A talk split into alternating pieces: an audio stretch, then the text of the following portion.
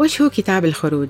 كتاب الخروج باللغة العبرية اسمه شاموت ومعناها الأسماء.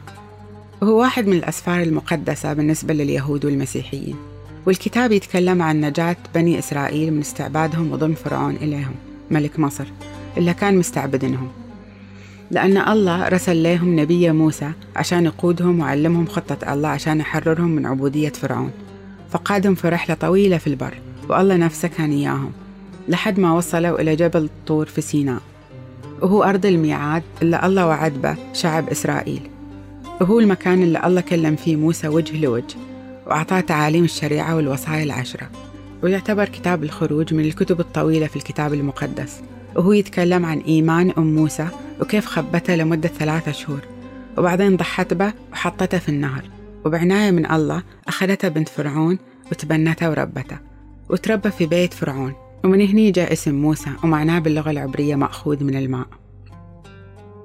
وهذا الكتاب من الكتب الأساسية والمهمة في تاريخ اليهود بقيادة النبي موسى والنبي هارون وأختهم النبية مريم لأنهم شافوا قدرة الله وإيده على حياتهم حتى أن شق البحر الأحمر إليهم وخلاهم يعبروا لما جيش فرعون كان طالع وراهم عشان يهلكهم.